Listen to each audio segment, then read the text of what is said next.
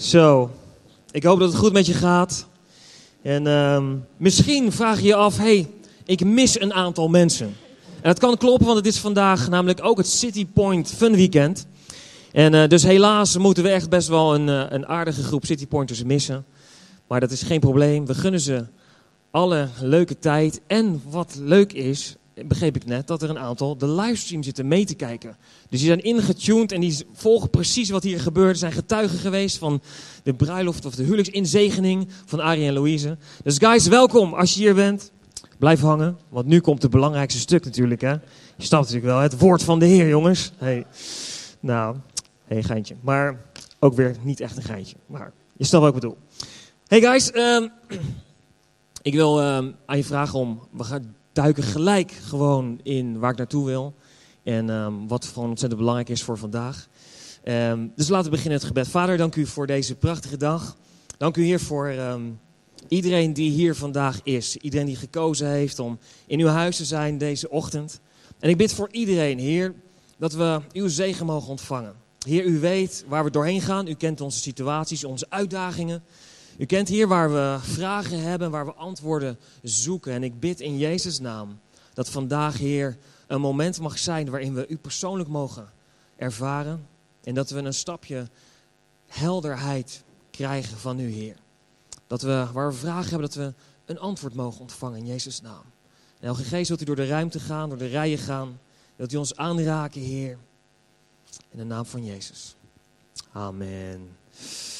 So guys, we hebben dit jaar het thema Turn Up the Volume. En als je op de Vision Sunday of de Vision Recap Sunday bent geweest in september, dan uh, weet je ook wat we daarmee bedoelen. Turn up the volume bestaat eigenlijk uit drie dingen waarbij we zeggen iets kan harder, weet je, een harder volume. Maar het kan ook zijn dat het gaat over meer, het kan ook zijn dat het gaat over groter. En de tekst die we daarbij haalden toen was de tekst die vertelt in Matthäus dat je niet onder een tafel moet gaan zitten. Dat God eigenlijk aan je van je vraagt en zegt en bemoedigt van schijn. Anders gezegd, vertel andere mensen van wat God doet in jouw leven. Weet je, we hebben allemaal onze eigen journey. We hebben allemaal onze eigen uitdagingen. Maar iedereen heeft een eigen relatie en ervaring met God. En God doet in iedereen individueel iets bijzonders. En ook bij jou. En God daagt ons uit en roept ons eigenlijk op om dat niet te verbergen. Niet voor je, alleen voor jezelf te houden, ik en God en mezelf en thuis op de bank. Nee, maar om te zeggen, kom onder die tafel vandaan en ga stralen, ga schijnen. Ga andere mensen vertellen wat God heeft gedaan. Of je zou kunnen zeggen, wees beschikbaar dat God door jou heen werkt voor, naar andere mensen toe. God heeft ervoor gekozen om niet met een grote ledwol in de hemel te zeggen, ik ben hier. Nee, God heeft gekozen voor een ledwol op aarde met zoveel pixels als mensen er zijn. Mag ik dit zo zeggen? Ik hoop dat je metafoor begrijpt. God heeft ervoor gekozen om zijn aanwezigheid, zijn bestaan door ons heen te manifesteren hier zo op deze aarde. En dan is de vraag, oké Heer, nou goed, ik... Oké, oké. Weet je, in Petrus staat het nog heel mooi, heel duidelijk. In 1 Petrus 3 vers 15, daar komt ook op de beamer waar staat... Wees steeds bereid iedereen te antwoorden die rekenschap vraagt van de hoop die in u leeft. Nou, misschien vind je het al een ingewikkelde zin, maar er staat hier eigenlijk, er is dus iets in jou. God is in jou komen wonen, er is nieuw leven gekomen, er is hoop gekomen. En de Bijbel roept ons hierop en zegt, hey, zorg dat je altijd, als er iemand iets aan jou vraagt van, hey, wat is dat met jou? Waarom ben je altijd zo blij of waarom ben je anders? Of iedereen is depri op maandag, maar jij bent blij. Wat is dat nou precies? Of hoe kan het zijn dat je anders denkt? Of nou, vul maar in. De Bijbel vraagt ons hier: zorg dat je altijd antwoord kunt geven op wat er van binnen gebeurt bij jou. En een antwoord kan soms ook zijn: ik weet niet eigenlijk, maar ik weet gewoon dat God is in mij en daar gebeurt iets. Je hoeft niet altijd helemaal complete antwoorden te hebben, maar vertel dat God met je bezig is. En weet je, toch kan het zijn dat we in de getuigenis die we, die we hebben, of het leven dat we leiden, dat daar soms een blokkade is. Dat je soms nog wel eens ervaart van, nou, weet je, ik wil wel vertellen. Ik vind het wel mooi om onder die tafel vandaan te komen en te gaan stralen. Maar er zijn zoveel dingen in mijn leven gebeurd. Of er zijn situaties, omstandigheden, gevoelens die jou eigenlijk verhinderen om in vrijheid te gaan staan en in vrijheid te kunnen spreken over wat God doet in jouw leven. En er zijn heel veel dingen die ik daarover kan zeggen. Het gaat over bijvoorbeeld klein denken, of het gaat over negatief denken, wat je kunt blokkeren. Of, nou goed, ik denk dat je vast wel een hele rij me- met me mee kunt bedenken. Maar er is er één die ik uit wil lichten vandaag, en dat is spijt. Spijt. En ik heb het niet zozeer over ehm, dat je een keer spijt hebt van iets wat er is gebeurd. Maar het gaat over als je gaat, gaat, gaat ehm, hoe, hoe moet je dat zeggen, gaat rondhangen in spijt. Als je blijft hangen in spijt. En daarom heb ik ook gekozen om de titel voor vandaag te noemen: Ik stop, puntje, puntje, puntje, met spijt. Dan denk je, is dat wel bijbels? Nou, weet je, het is vooral bedoeld om je te triggeren. Want hier ga je als het goed is over nadenken. Want dan kom je thuis en dan zeg je, maar mag ik dan nooit meer spijt hebben? Absoluut wel. Het is heel goed om spijt te hebben. Omdat dat namelijk maakt dat je iets misschien niet meer doet. Of dat je voor jezelf weet dat je het misschien anders zou moeten doen. Maar het gaat er vandaag over dat we ervoor kunnen, ehm, kunnen kiezen om in spijt te blijven hangen. En dan kan het de verkeerde kant op gaan. Weet je, misschien heb je het wel eens meegemaakt. Gewoon spijt in het algemeen. Dat je bij de Albert Heijn of Jumbo of ehm, Aldi of welke supermarkt dan ook. Je komt daar zo aan en je kijkt naar de kassarijen. En dat je dan denkt, mm, die. En je gaat naar die kassarij toe. En ja hoor, daar zit iemand nieuw achter de kassa. Ja, dat kon je natuurlijk niet weten.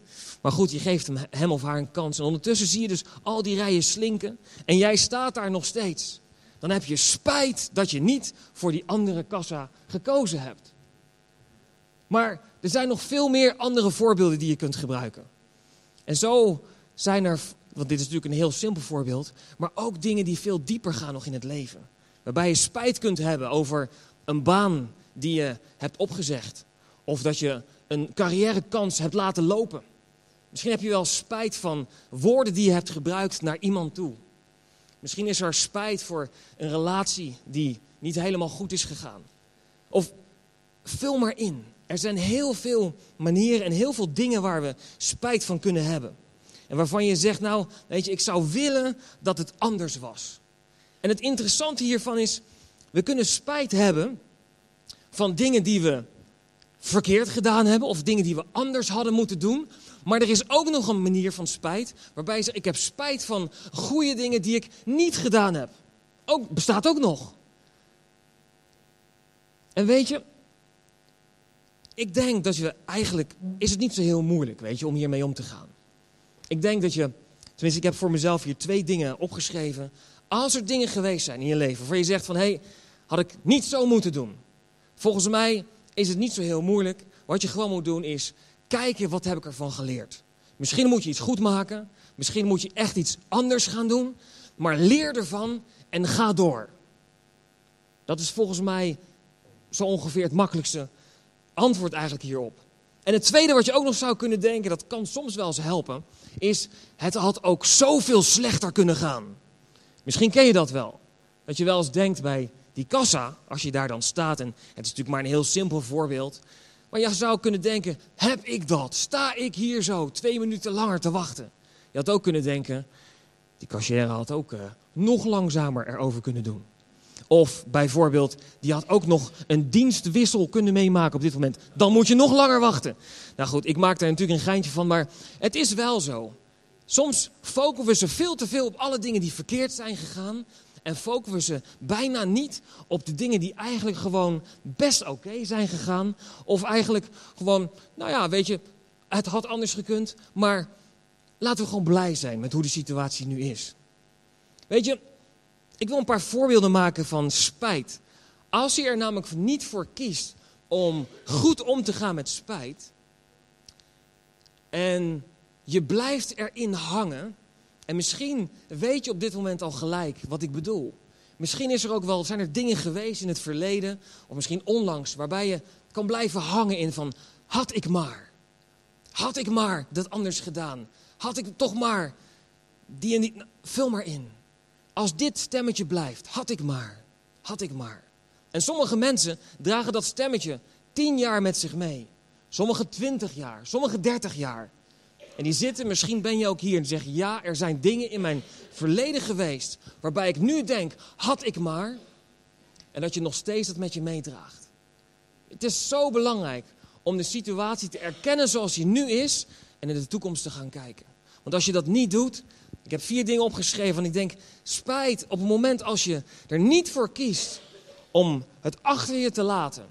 Maar dat stemmetje had ik maar, had ik maar, te laten repeteren. Het wordt als een blok aan je been. Spijt is als een blok aan je been. En het leven wordt zwaarder. En het wordt zwaarder. Want er is aanklacht. Er hangt iets aan je been wat steeds zegt: Toen wist je nog wel. En je wil misschien een stap gaan zetten. Misschien wil je een nieuwe carrière move gaan maken. Of misschien wil je een nieuwe relatie aangaan. En er hangt een blok aan je been wat zegt: Jij een nieuwe relatie? Maar weet je nog van vroeger? Denk je nou echt dat jij. Hè? En zo hangt spijt aan je been. Weet je, een ander voorbeeld kan zijn. Als je blijft hangen in spijt, dat het is alsof je in een auto rondjes blijft rijden op een rotonde. En je komt geen meter verder. En wat je aan het doen bent, je bent alleen maar aan het focussen op het centrum van die rotonde. Je bent er omheen aan het draaien. Weet je, spijt probeert je geschiedenis te herschrijven. Probeert opnieuw te denken met jou mee van had ik het maar anders gedaan, dan had ik misschien. En zo probeer je het na te denken hoe het anders had kunnen lopen. Hoe jouw wereld er nu anders uit had kunnen zien. Maar we weten allemaal dat het een hele grote leugen is. Want je kunt namelijk die geschiedenis helemaal niet herschrijven. Totdat we tijd kunnen reizen. En volgens mij is dat tot op heden van vandaag nog niemand gelukt. Dus wat geweest is, is geweest. Laten we vooruitkijken. Weet je, spijt kan, ook, kan je ook als volgt zien. Dat je leven gaat voor, je gaat die kant op. Maar je bent continu achteruit aan het kijken. Dus je, je leven gaat zo. Je kijkt naar dat moment van spijt. En je weet wat er dan kan gebeuren. Je kunt ontsporen. Je kunt ergens van een podium afvallen. Je kunt in elk geval niet de koers lopen die God voor je heeft. Weet je, ik heb hier genoteerd: spijt accepteert de genade van God niet. Want God zegt namelijk in zijn woord: Jouw verleden heb ik vergeven. Geef het aan mij, ik vergeef het je. En sterker nog, God zegt zo duidelijk in de Bijbel dat hij het zelfs vergeet. En wij lopen in ons leven die kant op en we kijken continu naar achter. Ja, maar Heer. En God aan die kant maar roepen en zeggen: Daan, kom hier naartoe. En ik, ja, maar Heer, kijk nou daar. En dan zegt God aan de andere kant: Ik weet niet waar je het over hebt. Ik ben het al vergeten. Zo belangrijk. En het vierde wat ik heb geschreven is: spijt, als je daarin blijft hangen, in blijft um, ja, ronddraaien, is alsof, het, alsof je leeft in een donkere kamer. Je weet gewoon niet meer waar je naartoe gaat. Spijt ontneemt hoop in je leven.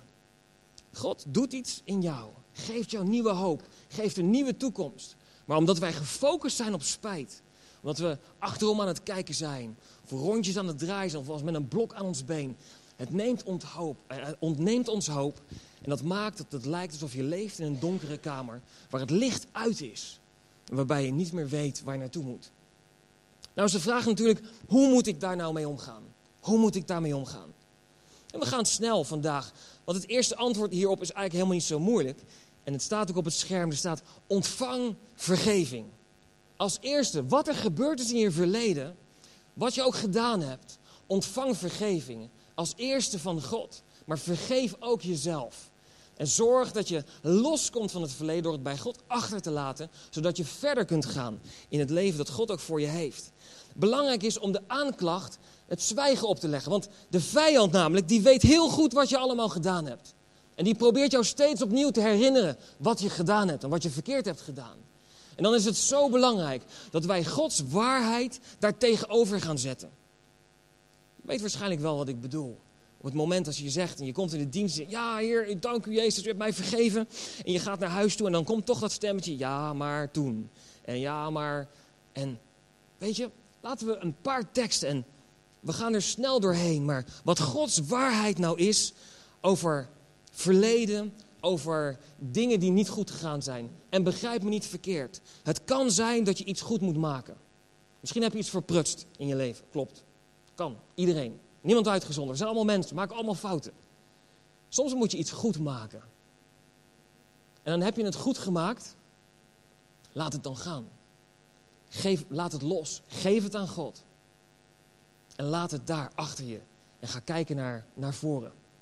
Weet je, de Bijbel is zo duidelijk. Johannes 12, vers 47. Want ik ben niet gekomen op aarde om mensen te veroordelen, zegt Jezus. Ik ben gekomen om mensen te redden.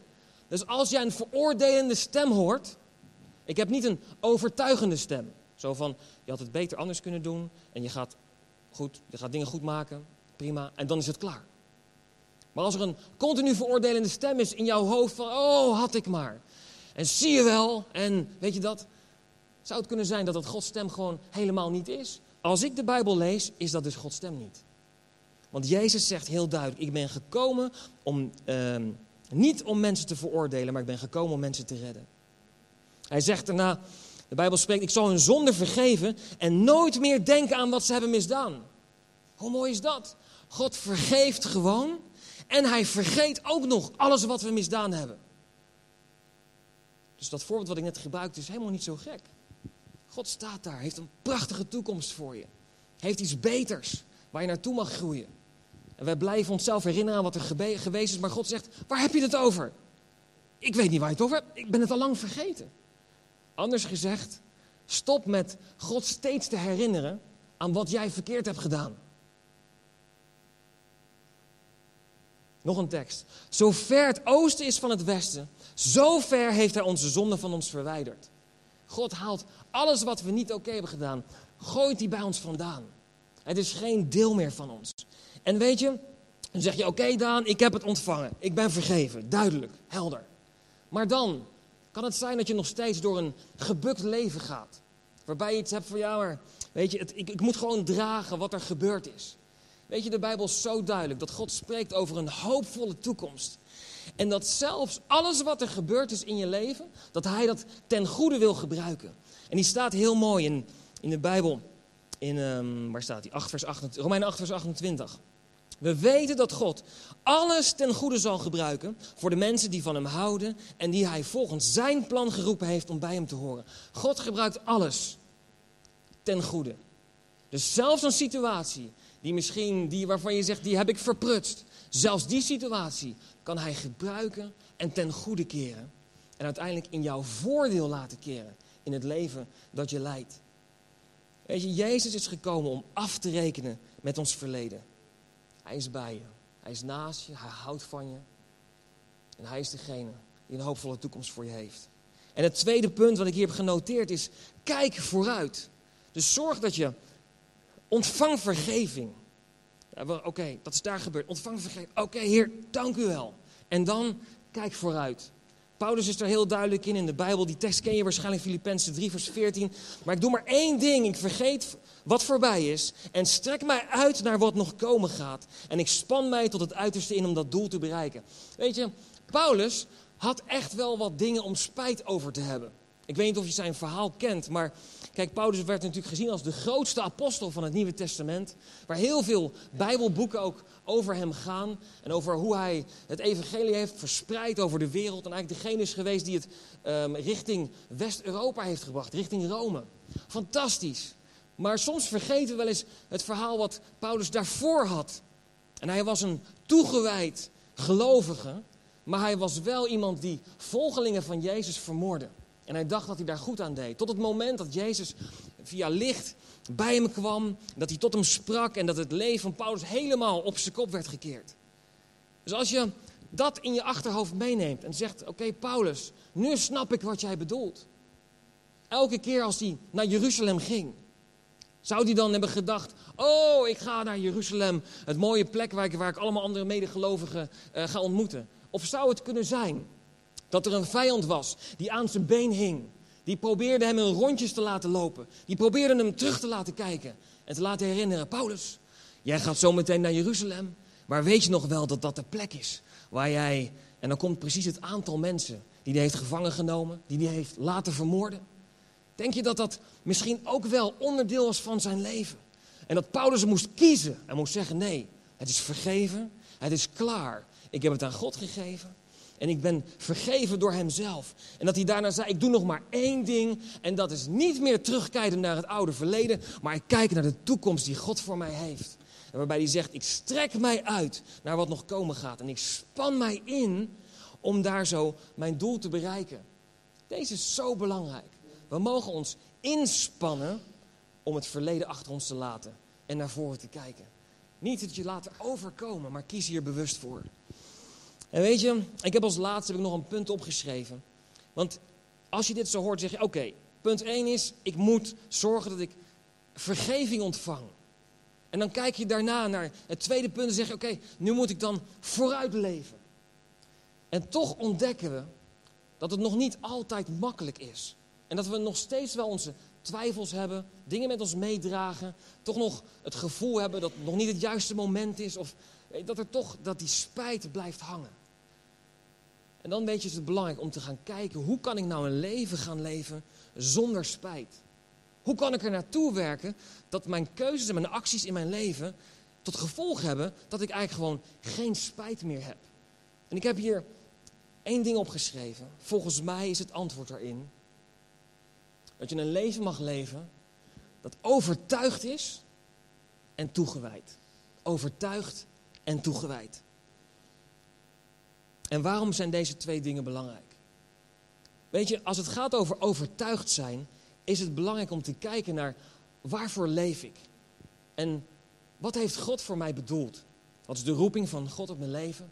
En waar sta ik er nou precies voor? Als je kijkt naar City Life Church, we hebben als kerk ook twaalf waarden. En als je ze niet kent, mag je naar de infobar, liggen mooie kaartjes, daar staan ze allemaal op.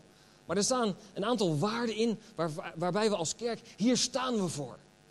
En in je leven kan je dat misschien ook zo ervaren, dat er dingen zijn waarbij onze emoties op en neer gaan. Waar soms gaat het goed, soms gaat het minder goed. Maar als het allemaal weg is, waar sta je dan uiteindelijk voor? Wie ben jij precies?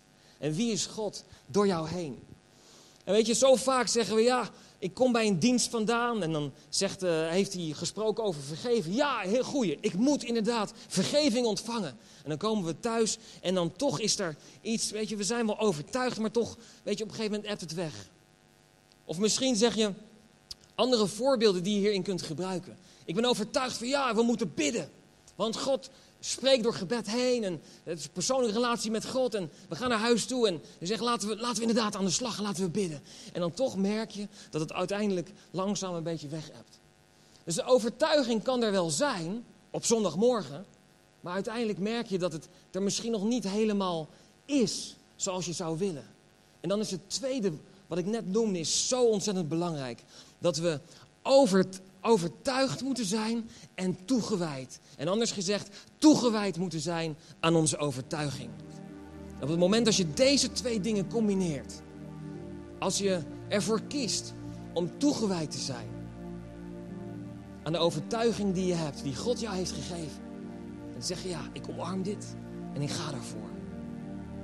Ik geloof dat het je zal helpen om te groeien in een leven waarbij je minder spijt hoeft te hebben van de keuzes die je maakt. Want op het moment als je de keuzes en de koers in je leven volgt, volgens de overtuiging die je hebt ontvangen van God, dan wandel je in het plan wat God voor. Maken we dan nooit meer fouten? Tuurlijk maken we fouten. We zijn mensen. Maken nog steeds fouten. Maar zo belangrijk om de persoonlijke overtuiging te ontvangen. Weet je, als je hier bent, en laat me dat kort uitleggen. Het woord wat ik vandaag deel, het woord wat we in City Life Church op zondag, uh, zondag spreken, wat kan je zien als een, een collectief woord. Dat woord is voor iedereen. Maar het is heel belangrijk om te kijken, wat spreekt God persoonlijk tot mij door dit woord heen? Anders gezegd, God wil een persoonlijke, echte relatie met jou. En niet met City Life Church als collectief. God houdt van ons. Maar God houdt van jou persoonlijk. En God wil een persoonlijke relatie met jou. En weet je wat er gesproken wordt? Wat voor iedereen geldt? Probeer te kijken en te ontvangen. Heer, wat wilt u tegen mij persoonlijk zeggen? En zo belangrijk om dan te ontdekken dat God iets echts en iets puurs voor jou individueel heeft. Niet alleen op zondag, maar door de hele week heen. En ik geloof dat de Bijbel ons daar zo echt voor oproept in Hebreeën 10 vers 35. Waar staat, so do not throw away this confident trust in the Lord. Gooi dus niet weg dit sterke vertrouwen. Deze zekerheid in God.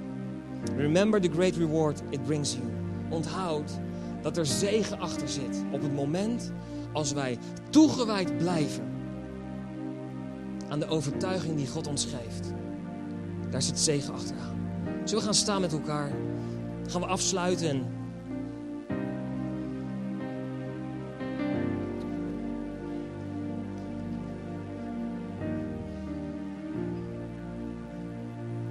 Ik wil het worshipteam vragen om uh, naar voren te komen. En guys, misschien kunnen jullie dat nummer, naam boven alle namen, voor eeuwig in zijn heerschappij. Misschien kunnen we die zometeen zingen. En church, weet je, als je hier bent en je hoort dit allemaal aan. En ik weet, we gaan er door een, een, een razend tempo doorheen. Maar ik wil je wel de gelegenheid geven om te connecten met God. En te zeggen, Heer, is er nog iets in mijn leven waarbij ik spijt heb, waar ik spijt meedraag. En wat mij eigenlijk nekt, wat mij tegenhoudt om de stappen te gaan zetten die God voor me heeft. Waarbij je voelt, als je een stap wil zetten, dat je denkt, ja maar, in het verleden zijn dingen gebeurd. Waarbij de uitkomst niet zo goed was. En dat dat steeds opnieuw in herinnering komt. Ik geloof dat vandaag een dag mag zijn dat je mag ontvangen dat God je wil vrijmaken. Dat God je wil vrijzetten van dit, zodat je nieuwe stappen kunt gaan zetten in het plan dat God voor je heeft. Want Hij heeft een hoopvolle toekomst voor je. Zullen we bidden? En daarna aanbidden we Jezus. Lieve Heer, dank u voor vandaag. En op dit moment, Heer, als hier mensen zijn, Heer, die dit met zich meedragen, die schuld met zich meedragen of spijt van dingen die gebeurd zijn in het verleden. Dingen waarbij ze verkeerde keuzes hebben gemaakt. En dat we misschien ook zeggen, ja, dat had je inderdaad anders moeten doen. Ik bid, Heer, dat we mogen ontvangen de vergeving die U voor ons heeft. Op dit moment. Elke vorm van schuld, van spijt die er is, breng het bij Jezus. Breng het bewust bij Jezus. En laat het bij het kruis. Breng het bewust bij Jezus. En laat het bij het... Op dit moment als je hier bent, neem iets in gedachten wat jou vasthoudt. Dus laten we onze ogen sluiten. Laat, neem iets in gedachten wat je vasthoudt, wat je heeft, waarvan je weet dat het je tegenwerkt. En breng het bij Jezus als eerste stap. En ontvang de vergeving die Hij voor je heeft. En Heer, op dit moment bid ik, Heer, dat u met een golf van uw genade door de zaal gaat. En dat we mogen ontvangen de genade die u heeft voor ons in Jezus' naam. Heer, en ik bid in Jezus' naam op dit moment dat als we uw genade ontvangen hebben en de vergeving mogen ervaren, dan bid ik dat u ons helpt om vooruit te gaan kijken. En Heer, dat we mogen gaan vergeten wat er geweest is.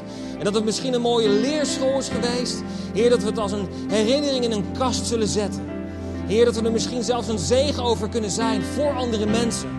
Heer, maar dat het niet meer een blokkade is voor de toekomst die u voor ons heeft in Jezus' naam.